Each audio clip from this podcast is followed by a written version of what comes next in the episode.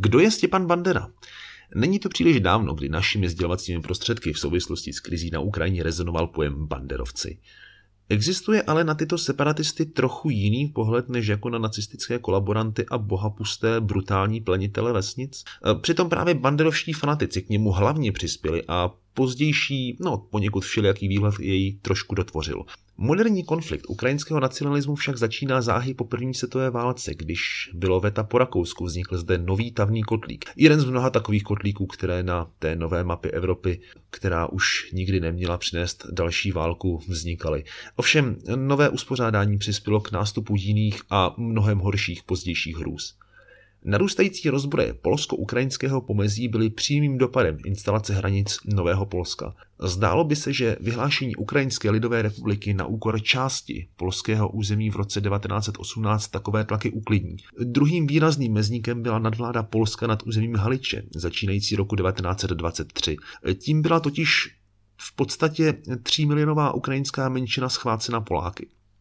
Obě takové skutečnosti vykřesaly pomyslnou jiskru při až příliš přeschlé polsko-ukrajinské otepy slámy. Odsud potom nebylo daleko k jejímu splanutí. Brzy následovala silná polonizace, což samo o sobě dávalo záminku k protipolskému odporu. Druhá polská republika se konstituovala do velmi konfliktního a mnohonárodnostního státu s řadou etnických problémů, což samo o sobě vždycky stojí za poměrně velkými problémy. Zvyšující se vzájemné antagonizmy museli nevyhnutelně eskalovat do otevřené nenávisti. Výrazně nacionalistické nálady začala jitřit i široká ukrajinská diaspora mimo polské nebo ukrajinské území. Při vídeňském sjezdu ukrajinských vlastenců v roce 1929 vzniká Organizace ukrajinských nacionalistů OUN.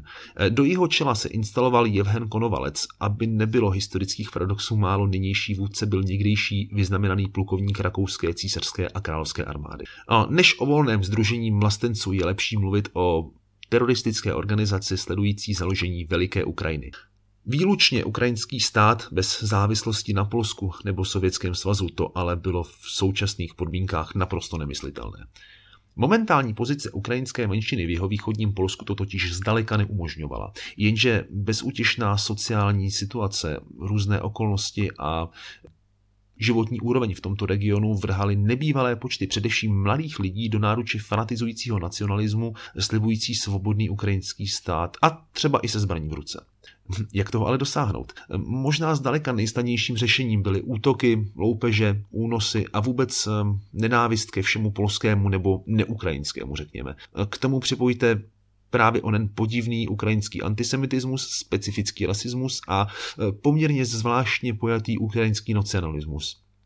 Radikálové totiž nejedno, nejednou obraceli zbraně i proti svým umírněným stoupencům. Proto nebylo ojedinělé, aby klupy hlásící se k OUN podnikaly skutečně bestiální útoky proti vesnicím osídleným neukrajinským obyvatelstvem. Likvidovali i Ukrajince, kteří neprokázali dostatečnou lojalitu k velkoukrajinské myšlence. Ehm, bez asistence silného zahraničního partnera totiž neměla OUN příliš naději na úspěch a nesmírně turbulentní atmosféra druhé půlky 30. let nemohla zařídit příhodnějšího spojence než nacistické Německo. Náhle se spojily dvě shodné ideje, totiž zájem na rozbití Polska a vůbec nové uspořádání východních území. Navenek byl postoj Berlína poměrně zdrženlivý, ovšem neoficiálně Abwehr, německá rozvědka, už navazoval s ukrajinskými rebeli velmi těsná spojení. V roce 1938 je sovětským agentem zabit Jevhen Konovalec. OUN se po ztrátě dlouholetého vůdce dostává s rokem 1939 na velmi výrazné rozcestí.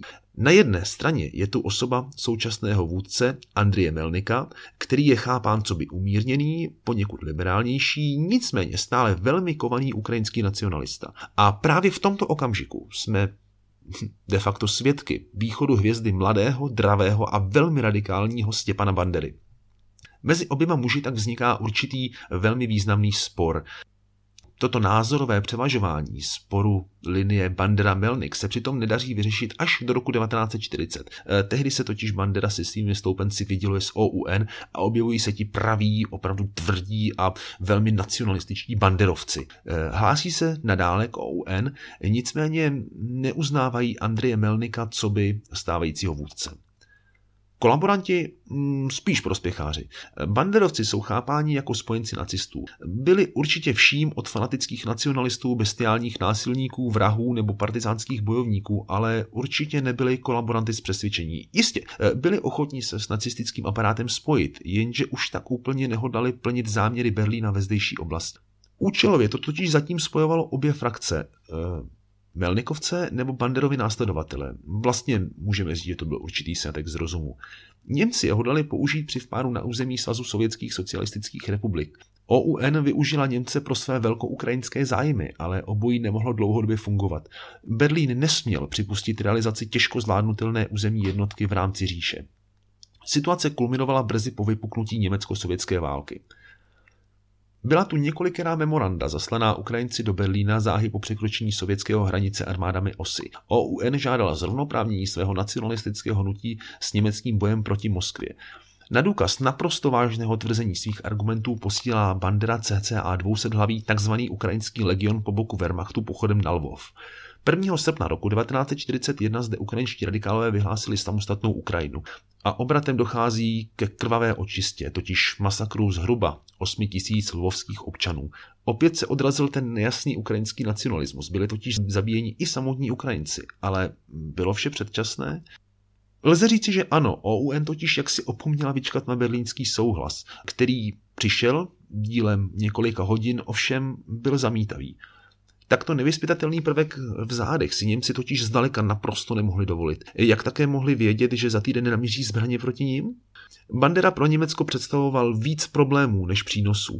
Do Lvova proto přichází ozbrojená pacifikační kohorta pořádkových sil za zády s gestapem. Vysoká partie takzvaného ukrajinského pokru dopadá pro Banderu krachem. Berlínská karta je prostě silnější a nelze s ní soupeřit. Několik týdnů po lvovské události Bandera cestuje spolu s mnohými dalšími zatčenými pokáznících Německa a na dlouhou dobu stane pod vysokými dráty koncentračního tábora Sachsenhausen. Některé osudy různých rebelantů jsou prostě v skutku neuvěřitelně barvité. Nechme proto stěnku Banderu za dráty koncentráku a posuníme se trošku dále. Vyhněme se také nyní pokusům se zakládáním 14. dobrovolnické divize zbraní SS, která byla složena z převážně ukrajinských dobrovolníků. Věnujeme se rovnou výbušné problematice ukrajinské povstalecké armády, takzvané UPA. Říjen roku 1942 znamená odklon od německé spolupráce. Nadchází jiná forma boje za velikou Ukrajinu. UPA záhy nabere nejen proti německý nebo proti sovětský kurz. Nastává určitá etapa boje zcela proti všem. V jejím čele stane první velitel UPA Roman Šuchevič, který je v ukrajinském podzemí ilegálně znám pod pseudonymem Taras Čuprinka. UPA zahajuje postupně pozvolna proti německý boj. Z toho vyplývá, že Banderovi tlupy lesních chlapců nemohly nikdy být prostředkem nacistické východní politiky. Ačkoliv se to poněkud lehce nebo víceméně zkresleně podává, nepomohlo k tomu ani propuštění bandery z nacistického kriminálu během roku 1944. Němci čekali, že se banderovci nyní obrátí proti postupující rudé armádě a budou působit v jejich zádech co by partizánská síla. Naopak, na jaře 1944 vznikla Ukrajinská nejvyšší osvobozovací rada, která vyhlašuje válku Německu, Svazu sovětských socialistických republik, ale i Československu. V jejím čele stanul právě Stěpan Bandera.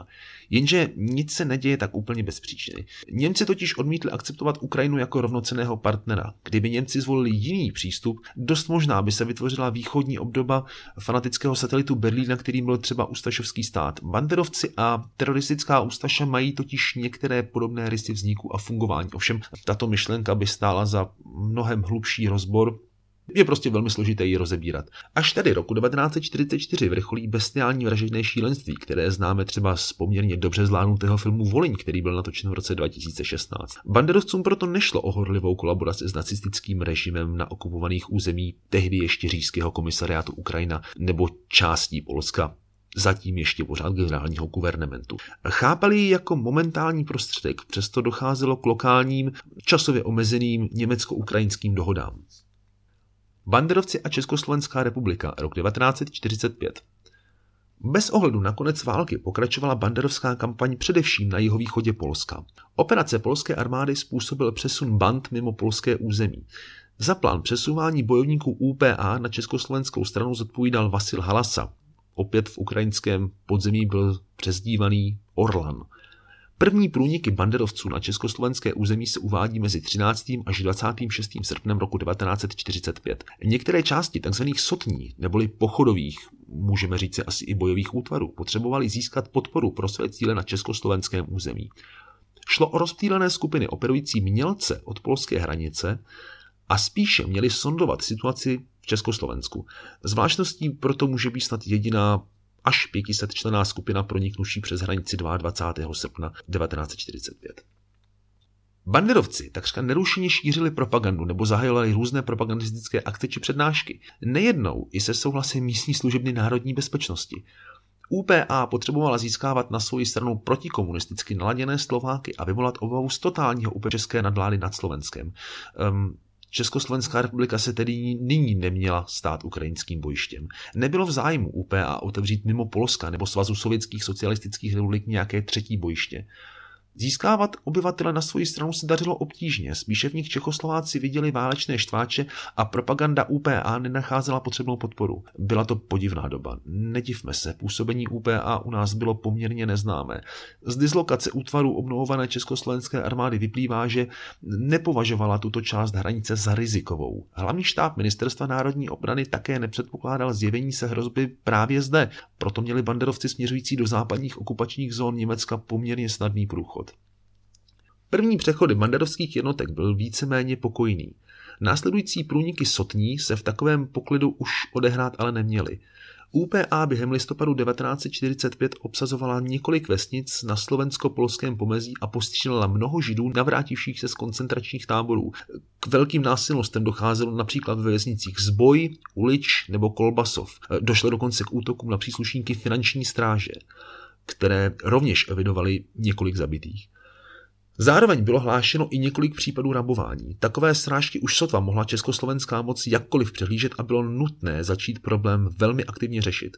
Přesto to dává určitý dojem podcenění problému v počáteční fázi. Ačkoliv existovaly poznatky z Polska, že se chystá rozšíření banderovské činnosti i na území Československé republiky, je však otázkou, do jaké míry byly předány na československou stranu a zda vůbec. Naléhavosti odpovídá i spěšné vyslání částí 10. pěší divize do severovýchodního Slovenska. Současně byla uzavřena dohoda s blízkými útvary Rudé armády. Od 4. září byl proto do Kapušan vysílán motorizovaný pluk s určením zasahovat proti UPA. Zatím se výpady Československé armády a národní bezpečnosti omezily nasazením kombinovaného praporu. Z Moravy byly přisunuty další dvě roty samopalníků. Zatím ale nedošlo k významnějším střetům. Banderovci se většinou stáhli rychle za hranice. Hrozbou pro československé území se vláda začala zabývat až v půlce prosince 1945. Bylo rozhodnuto o větším posilování vojenské přítomnosti v oblasti. Zároveň byly některé útvary národní bezpečnosti přímo podřizovány armádě. Z některých útvarů 4. pěší a 9. pěší divize byl sestaven zvláštní oddíl nazvaný Jánošík. Byl podřízen plukovníku generálnímu štábu Jánu Staněkovi. Dostal rozkaz zajistit celé příhraniční území nejen k polské hranici, ale až k hranici Č, ČSR a jeho dotyku se Svazem sovětských socialistických republik. Od roku 1946 byl tento útvar nadále zesilován. Zároveň se obecně předpokládal brzký konec hnutí po bojích v Polsku. To byl však omyl. Vzniklé ztráty banderovci doplňovali násilnými odvody a postupným zesilováním činnosti. Takové jevy byly ale výlučné pro polskou nebo sovětskou příhraniční oblast. U nás k ním nedocházelo. Eskalace roku 1946. Banderovci čelili od zimy téhož roku dalšímu intenzivnímu tlaku v Polsku, proto i československá vojska přešla do razantnějšího postupu. Československá republika musela UPA vyrazit z ruky jedinou zbraň na našem území, totiž vytvoření zázemí. Stále častěji na československé území pronikaly sotně Bir nebo Miron či Karmeluk. Celkový počet nepřesáhl víc než 400 bojovníků. Ovšem působení oddílu UPA v této době je poněkud nejednoznačné. Banderovci si uvědomovali skutečnost konání voleb v Československé republice a dál rozšiřovali svoji propagandu a distribuovali špatnou češtinou či slovenštinou psané letáky. Efektivita propagace byla vysloveně okrajová a podařilo se jim získat jednotlivé obce na východní části Slovenska. Banderovské problematiky se zcela chopili komunisté a plnou měrou jejich přítomnost využívali. Výskyt UPA tedy dobře posloužil komunistické straně Československa během řekněme, velmi klíčových volb v roce 1946, eh, že demokratické strany agitovaly ve prospěch OUN nebo jí snad dokonce pomáhali, to už byla vyslovená lež a komunisty šíření nesmysl, který byl um, nasazený ve skvělý čas. Do určité míry pomohla tato lež upevnit slabší vliv komunistů na Slovensku. E, po spravodajské stránce reálné nebezpečí UPA ještě umocňoval s veličenými hlasy neomezený pán bezpečnostního spravodajství Bedřich Rejcin. E, tady to udělám takovou trošku odbočku, my jsme o něm v jednom z našich podcastů taktéž hovořili. Vraťme se ovšem zpátky k problematice UPA. Banderovci již ale častěji rabovali vesnice, drancovali samoty a celkově stupňovali teror obyvatelstva. Dosud proti ním operovala tzv. skupina OTO ve složení přípěších praporů, praporů samopalníků a oddíl pancéřových vozů, eh, která střežila hranice v délce až 200 kilometrů. Počty i Dislokačně nebyl oddíl o to schopen situaci zvládnout, přesto zaznamenával ojedinělé úspěchy a banderovce několikrát zatlačil zpět za československou hranici. Z toho důvodu přikračuje Ministerstvo národní obrany k poměrně razantnímu kroku. Části druhé, deváté, desáté a čtvrté rychlé divize byla sestavena skupina Ocel. Jejím velením byl pověřen plukovník generálního štábu Jan Heřman. Část personální základny poskytla tedy i už nám známá skupina OTO. Početní stavy ocele dosáhly přes 7 tisíc mužů, soustředěných do 14 praporů. Praporu tankového, dvou oddílů dělostřeleckých a dokonce i letky bitevní. Mohlo by se zdát, že tato bojová síla byla určena k úplnému zlikvidování nebezpečí UPA pronikajícího sem z polské strany československé hranice. Tak to však nebylo. Pro nasazení kombinovaných jednotek bylo zvoleno krycí označení široké hrábě. 21. dubna roku 1946 se československé formace hnuly k horám. Je také nutné říci, že tak široká operace nikdy předtím a ani nikdy potom na našem území nebyla provedena. Byla také největší vnitrozemskou bezpečnostní akcí vůbec. Na čele postupovaly armádní jednotky. Rychlost postupu v náročném horském terénu dosáhla kolem 10 až 20 km denně. Ze vzduchu podporovalo akci několik letek vysílaných do operačního prostoru z Košic týlu postup, postupovaly oddíly národní bezpečnosti, zajišťující vysloveně jednotlivé banderovce nebo osoby, které jim pomáhaly. Těžké střety propukly, ale až u samotné hranice. Dokonce i za asistence tanků. 27. dubna roku 1946 byla hranice zajištěna v pásmu od Dukelského průsmyku po linii průběhu hranice se Zakarpatskou Ukrajinou, tedy na dotyku československo-sovětských hranic. Nadále zde armáda zanechala poměrně silné zajištění. Bylo vytvořeno souvislé obrané pásmo s dvěma prapory samopalníků, rotou tanků a čitou pancéřových automobilů. V létě roku 1946 polské síly zahájily další sérii výpadů proti UPA. V Československé republice se to projevilo zvýšeným tlakem na linie československé armády. Prakticky neustále docházelo k pokusům o průnik větších či menších oddílů ukrajinských nacionalistů. Reakce Ministerstva národní obrany spočívala v posilování skupiny Ocel, což vedlo k nebývalé šíři jednotky až 11 000 mužů. Úspěšným vedením kampaně polských jednotek se pokusy o proražení hranic houfy UPA snižovaly. Vojenské jednotky se z hranic mohly postupně navracet do mírových posádek, to ale zdaleka neznamenalo konec banderovského problému, právě naopak. V pád roku 1947 Léto druhého poválečného roku zažilo zdaleka největší a také poslední průlom jednotek UPA do československého území. Důvodem je částečně nutné hledat v, op- v konci operace Vysla v Polsku, především však kvůli změně taktiky UPA. Ukrajinští povstalci totiž vlivem silných armádních útoků postupně přicházeli o polské území. Už nebylo cílem zdržovat se dočasně na území ČSR nebo jej využívat jako řekněme, oddychovou základnu. Teď bylo životně nutné dostat skoro celé sotně do západních okupačních zón. Jednalo se především o skupiny Bir, Brodič, Burlak, Ren, Chromenko a Stach. UPA předpokládala brzké zahájení třetího světového konfliktu a tento útěk se dal charakterizovat jako přípravou k dalšímu boji. Ideálně se spojením se západními výsadkáři, kteří by se skočili v Karpatech. To už byl ale horečnatý sen, chimérická představa ukrajinských povstalců. Změna banderovské taktiky se projevila především ve střetech s hraničním zajištěním.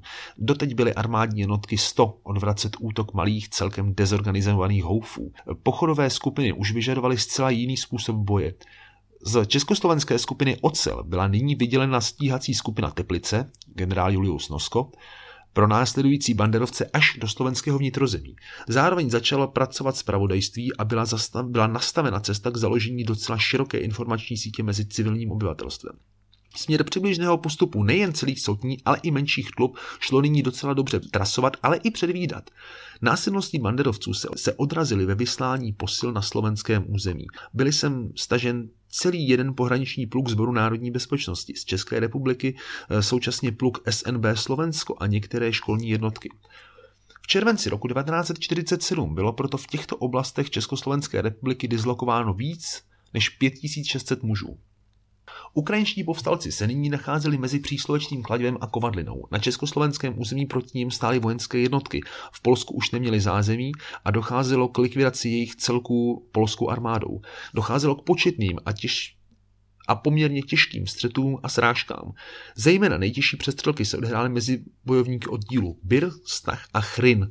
Za každou cenu chtěli proniknout dále na západ, to se jim ale nepodařilo a museli ustoupit zpět na, vý, na výchozí území. Zde byly později také zničeny. Omezeným skupinám se však průlom povedl. To platilo především pro menší sotně Chromenko, vůdce Michail Dudak a Burlak, vůdce Volodymyr Ščehelsky, které pronikly hluboko do vnitrozemí. Oddíl Chromenko se dostal až na Moravu a cestou se dopouštěl řady neodpustitelných násilností. Vysloveně malé celky původního chromenka eh, se posléze pokoušeli dostat do americké zóny. Oddíl Burlak se ještě na Slovensku vzdal mezi 2. a 3. zářím roku 1947 československým bezpečnostním orgánům. Po likvidaci tohoto oddílu již na československém území nebyla jediná konzistentní skupina hlásící se k UPA.